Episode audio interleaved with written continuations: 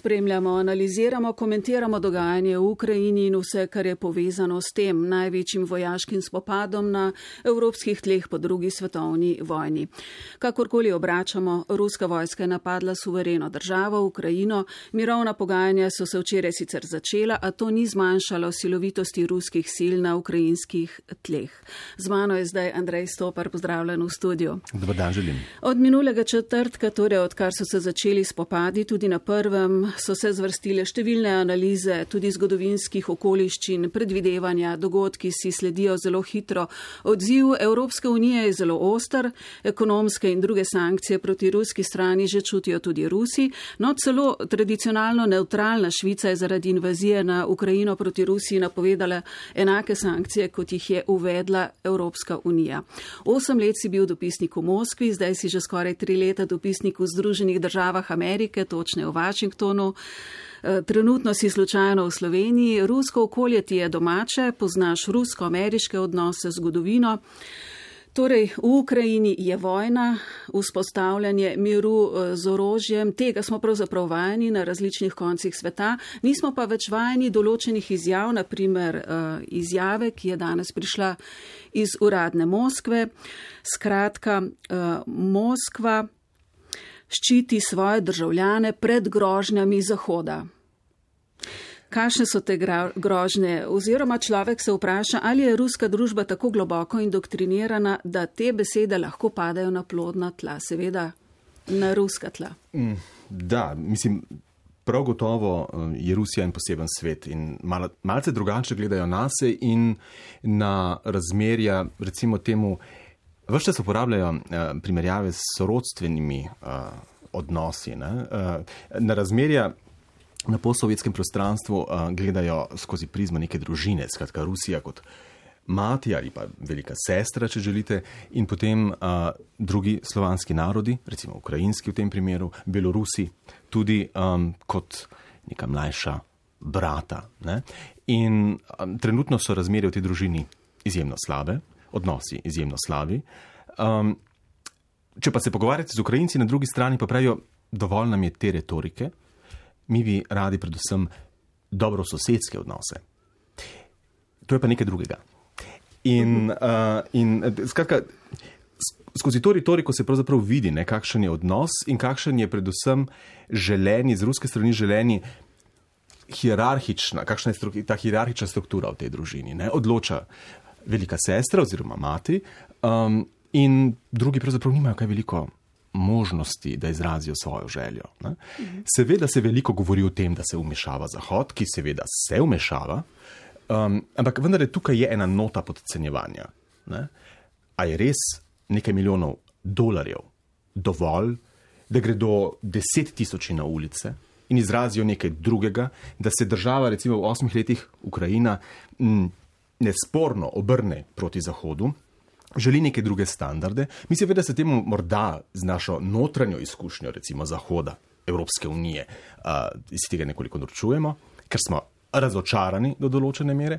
Ampak vendarle, Ukrajinci imajo vso pravico to razočaranje doživeti na svoji koži. Um, in tako pravzaprav jaz vidim ta trenutni konflikt. Ampak um, kaj je dejansko cilj ruske agresije? Ali je cilj Krim povezati z večinsko ruskima republikama Donetsk in Lugansk, ali je cilj zamenjati vodstvo, dobiti strateškega partnerja, ali pa je celo cilj sestaviti neko novo uh, skupnost, neko novo sovjetsko zvezo. Usklajenost, naprimer, z Belorusijo uh, je pač dejstvo, po nedeljskem referendumu se je to zavezništvo še utrdilo. Torej, kaj je pravzaprav cilj?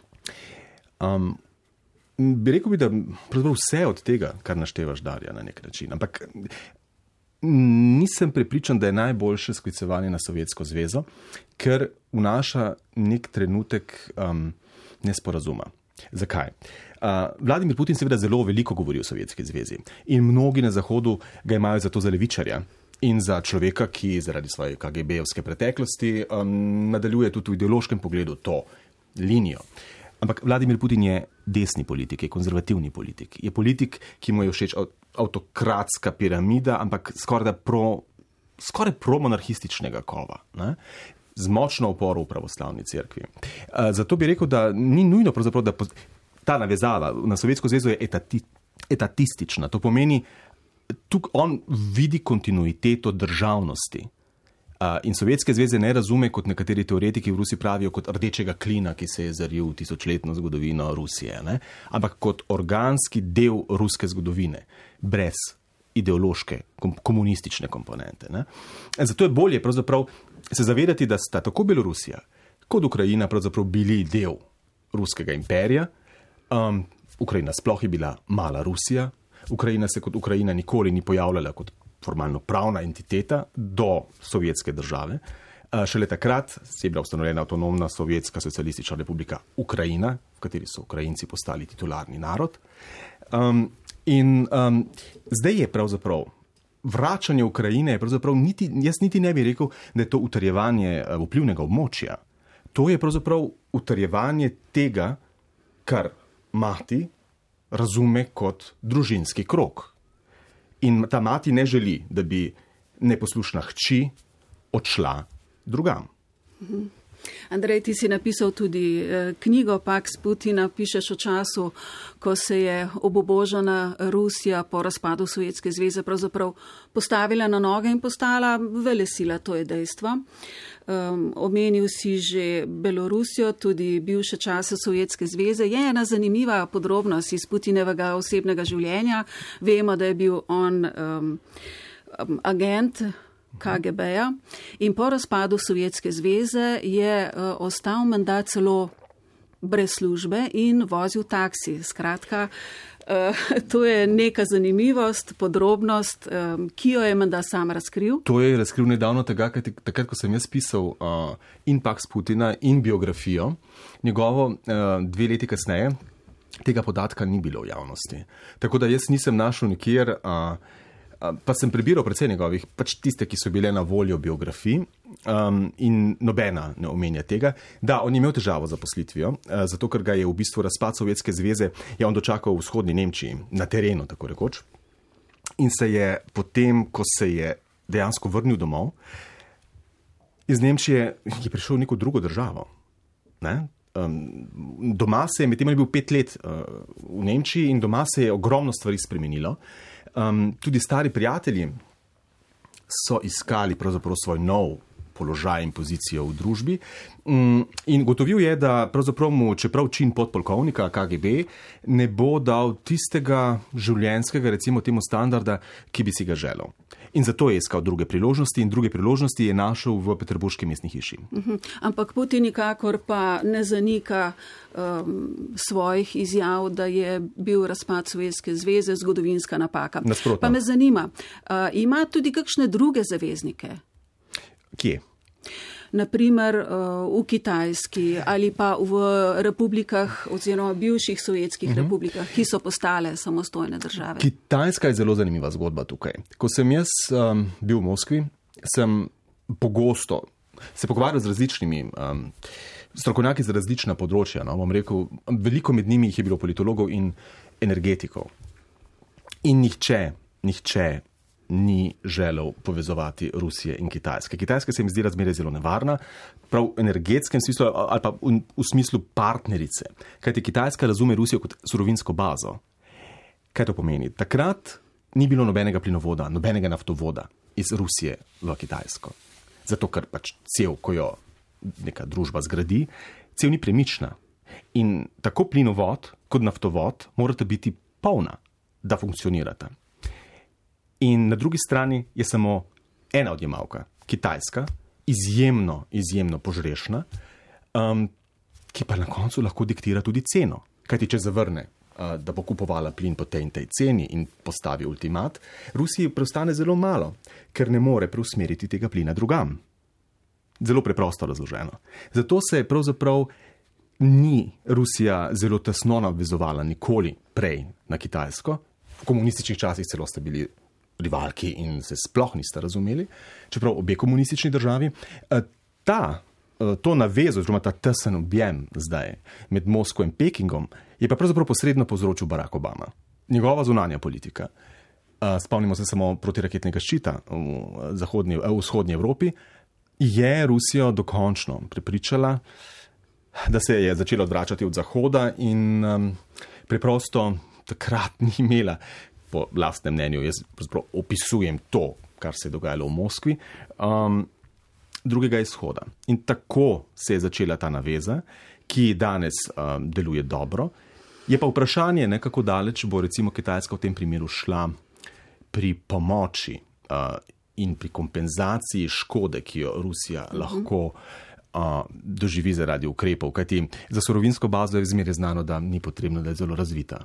Mhm. Kar pa zadeva Srednje Azijske republike, nekdanje Sovjetske republike, tam pa je odnos drugačen. Tam je pomembna komponenta, seveda, strah. Uh, Druga pomembna komponenta je inercija.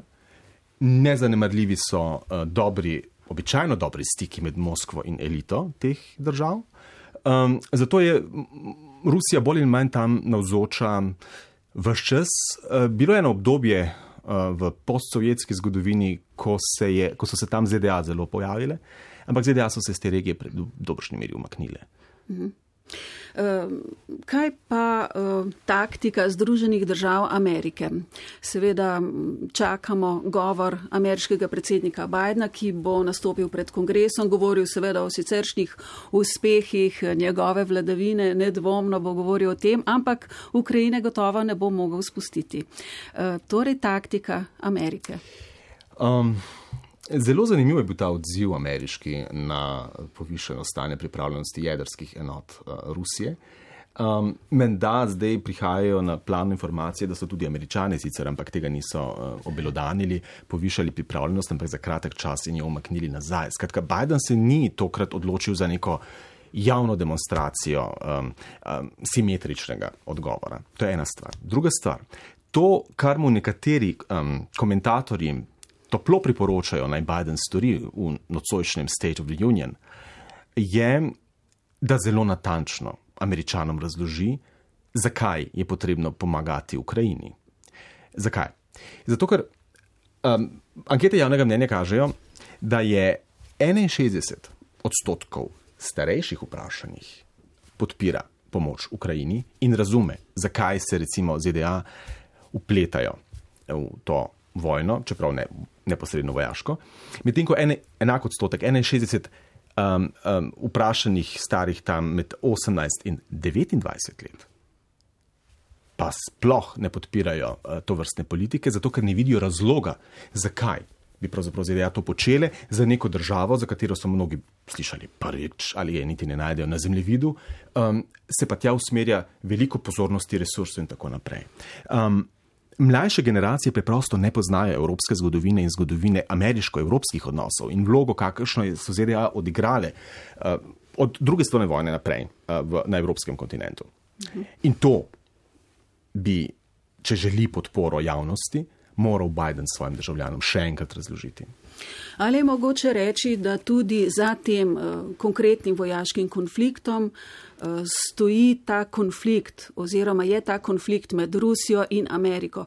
Vemo, 60 let nazaj je prišlo do napetosti kar blizu Amerike, ne, takrat uh, je prišlo tudi do trgovinske bloka, blokade Kube, ki velja še danes, uh, ampak to se je dogajalo res blizu Amerike. Uh, in zdaj, kako resnične so domneve, da pravzaprav um, gre za ta večni konflikt med Rusijo in Ameriko?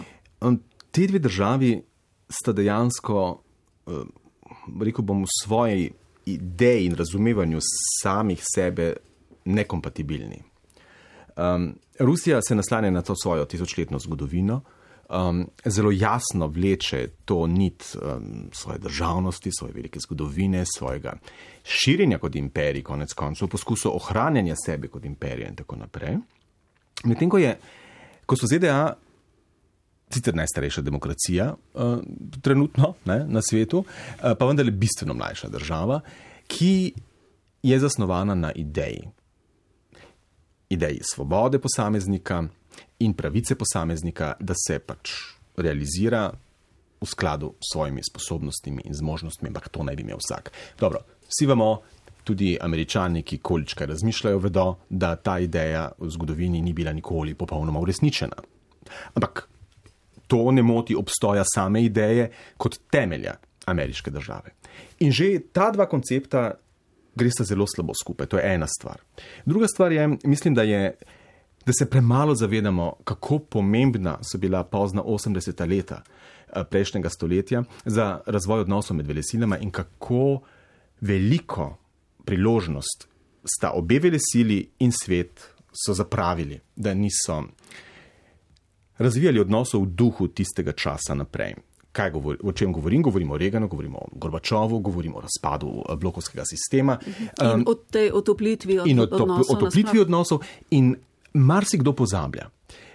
Takoj, ko je nastala eh, torej nova Rusija, ko je razpadla Sovjetska zveza, prvi predsednik Jelcin in njegov zunani minister Andrej Kozirjev sta bila v tistem obdobju daleč najbolj prozahodna politika v celotni ruski zgodovini. Razmišljala se celo o članstvu Rusije v NATO določenem obdobju. Um, recimo, uh, Kozirjev je spraševal nekdanjega predsednika Nixona, ameriškega predsednika, kaj naj Rusija po njegovem mnenju naredi, da bo čim bolj in čim hitreje dosegla neke, nek, nek demokratični razvoj. Ne? Nixon sam se je čudil temu, kako in je govoril svojemu tajniku, joj, ta gospod je sicer zelo v redu, ne, ampak zelo slabo pa se zaveda interesov lastne domovine. To je govoril nekdani ameriški predsednik o ruskem zunanem ministru. No, to obdobje je bilo zelo kratko in se je potem odvilo popolnoma drugače. Rusija je šla na, po svoji poti, ampak to so vse tisti, tiste, tiste poglavje v zgodovini, ki kažejo, kako zelo razhajata se te dve države. Ne? In um, da, gre za nek konflikt, Ampak mislim, da je bilo absolutno premalo na obeh straneh narejenega, da bi se vendarle ta utečen način, navada pa je železna ne, um, spremenil, da bi se temu izognili. Mislim, da bi tukaj lahko dosegli veliko, ampak ni bilo volje ne na eni, ne na drugi strani. ZDA so se počutili kot absolutna zmagovalka v hladni vojni. Vidimo, kako se je potem razvilo to vprašanje, ki je še zdaj pravzaprav kamen spotike, tudi v tokratni ukrajinski krizi. Namreč ali so ZDA takrat Gorbačovo leta 90 dejansko obljubili, da se NATO ne bo širil proti vzhodu ali ne. In to je bil hipotetični pogovor, iz katerega je nastal mit, obljube ni bilo dane, v pogodbi o združitvi Nemčije je jasno zapisano, da se seveda ZDA lahko širijo. Torej na, tudi na vzhodno Nemčijo, na celotno, da celotna Nemčija, torej združena, lahko stopi v, v NATO, kar je pa Zahod razumel kot v bistvu zeleno luč za nadaljno širitev, medtem ko so v Rusiji to raje razumeli kot, da je to vprašanje omejeno zgolj na nemški primer. Ne? In, ampak to je kamen spotike še naprej. Ne? Nekaj je v, v odnosih med tema državama, ki jo dela stalni tekmici. In to seveda je prav tako v konfliktu, torej v zadju zdajšnjega konflikta v Ukrajini. Je pa seveda spet simptomatično, da je težava z odnosi med velesilama. Ampak poligon za to je pa neka tretja država, ne? po možnosti evropska država, ki potem vleče tako ali drugače kratko. Spremljamo uh, ukrepe Evropske države, pomagajo Ukrajini tudi z orožjem. No, celo ruskemu dirigentu Georgijevu, ki smo ga lahko večkrat videli v Sloveniji, odpoveduje sodelovanje. Skratka, so ukrepi na zelo različnih uh, področjih, veliko gospodarskih, finančnih, tudi drugih. Glede izključitve iz sistema SWIFT bi uh, vprašala tole. SWIFT, da obudim spomin, to je mednarodni finančni mehanizem, ki omogoča da ti mednarodni denarni tokovi nemoteno potekajo. Ampak direktorica Ruske centralne banke je celo napovedala, uh, rekla nekako takole, ja, vzpostavljamo nek nov uh, finančni sistem, ki bo omogočal skratka, da bodo ti denarni tokovi. Um, Spet stekli. Postavlja se tudi vprašanje, ali bodo ti ukrepi strani Evrope, Amerike zalegli, eh, ali eh, bo dejansko kaj drugega spravilo Rusijo oziroma rusko politiko na kolena, mogoče odmrznitev te enormne količine denarja, 600-700 milijard dolarjev eh, rezerv, to pa bi res utegnilo mhm. omajati, zamajati dolar. Kaj torej bo zaleglo? Mm to je, postavlja se več vprašanj. Uh, to, da Rusija razvija svoj sistem, uh, ni nikakršno presenečenje. tak odgovor oziroma takšno pojasnilo smo lahko pričakovali, kajti Rusija v podobnih primerih zmeraj izjavi nekaj podobnega. Recimo, razvijala je tudi, oziroma razvila je tudi GLONASS, to je ekvivalent uh, GPRS-u, recimo zahodnemu, ne? ki sicer ni potem deloval zelo dobro, ampak ga je razvila. Um, Rusija zmeraj razvija nekaj svojega kot nadomestek in potem naj bi bilo bolje in sploh bistveno neprimerno, skratka, uh, se bo to uh, odražalo uh, v pozitivnem pogledu na, na življenje ruskega človeka. In potem čakamo. Ne? To je precej tipično. Um, kar zadeva, bi se mogoče vrnil Gergijevu, tudi Anone Trepko, recimo, so javno izvali, naj se opredeli in ozmane obsodi to akcijo oziroma te poteze um, Vladimirja Putina v Ukrajini. Ampak ta popolna. Um, Zdaj rekel to popolno pričakovanje obsodbe in zelo poenoteno mnenje na Zahodu, bolj kot se mi zdi kadarkoli prej, res kaže na spornost te poteze. Ne? Kar pa zadeva ukrepe druge, poleg SWIFT-a. Mislim, da je daleč najbolj zanimiva odločitev američanov, da bodo zamrznili premoženje v tujini osebno Vladimirja Putina, zunanega ministra Sergeja Lavrova, načelnika generalštaba Gerasimova in Šojguja, torej obramnega ministra. Kaj to pomeni? Zdaj, po zakonu ti ljudje ne bi smeli imeti premoženja v tujini, kajti uh, visoki državni uradniki, visoki politiki v Rusiji ne smejo imeti premoženja v tujini. Um, to je ena stvar. Druga stvar je, če to premoženje obstaja in ga dejansko zamrzujejo, bi bila seveda najbolj rušilna novica, da bi objavili, kolikšno je to premoženje, kako bogati so ti ljudje, kajti o tem obstajajo zgolj in samo ugibanja in dokler so samo ugibanja, potem se lahko tudi vsak izgovarja, da nič od tega ni res. Če bodo to storili, ima to lahko tudi močne, velike posledice um, v Rusiji sami. Mhm. Um, tako da um, to mislim, da je zelo, zelo uh, dobro um, usmerjen ukrep, če želijo, da se zadeve končajo čim prej. Kajti vsakega najbolj boli lasten žep, v katerem tiči mhm. njegova denarnica. Ne? Ampak to, da um, ruski oligarhi skrivajo denar v davčnih oazah, jih prelivajo naprimer, in kupujejo bogate nepremičnine v Londonu, v Parizu, konec konca tudi v Sloveniji, to ni nobena skrivnost. To ni sporno, torej, ker oni nimajo funkcije je, državnega uradnika. Aha, bistveno je torej uh, Putin in njegovi najožji sodelavci. Seveda, in pa, in pa drugi, ne, kaj, ampak morajo biti državni uradniki oziroma politiki. Zasebnik seveda ima proste roke, kam s svojim premoženjem in lahko pač počne, kar želi. Drugače je za javno, torej uradno osebo. To je ta ključna razlika tukaj. Mhm. Ali lahko ta vojna, ki poteka v Ukrajini, odnese Putinov režim? To je vprašanje za milijon dolarjev. Putinov, Putinov režim so pokopavali že toliko krat, koliko mandatov ima za sabo.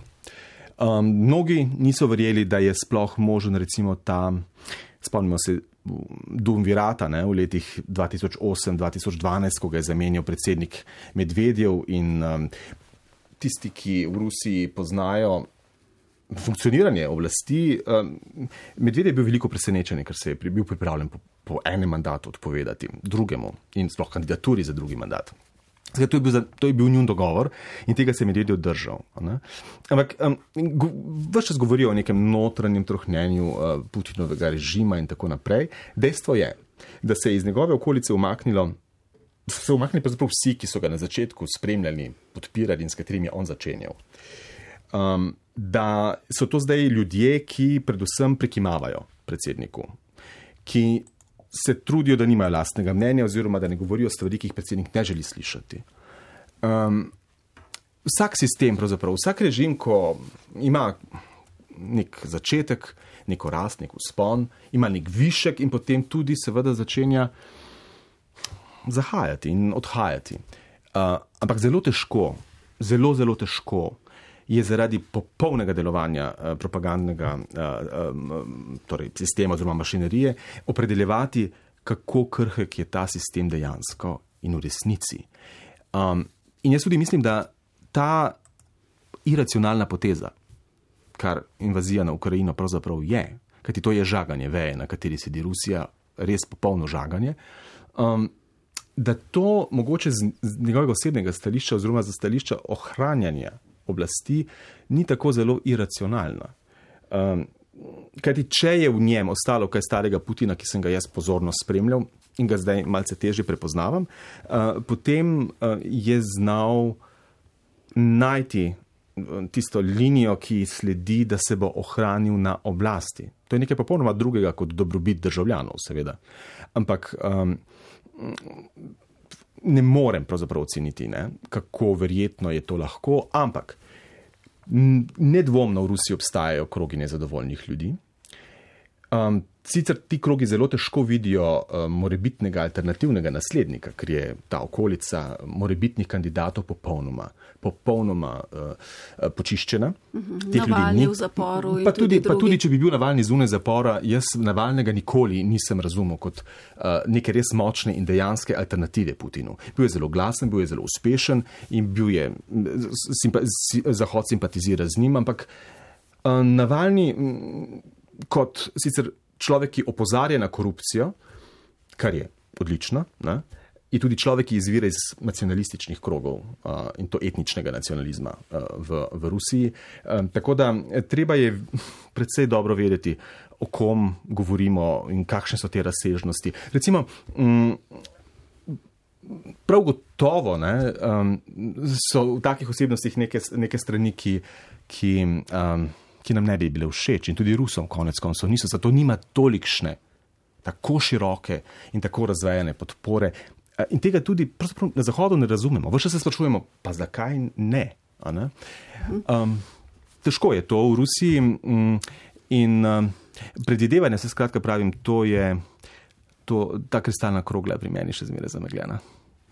Prihajajo nove in nove informacije. Diplomati številnih držav, tudi slovenski, so danes v znak protesta na sedežu Združenih narodov v Ženevi množično bojkotirali nagovor ruskega zunanega ministra Sergeja Lavrova na konferenci o razorožitvi.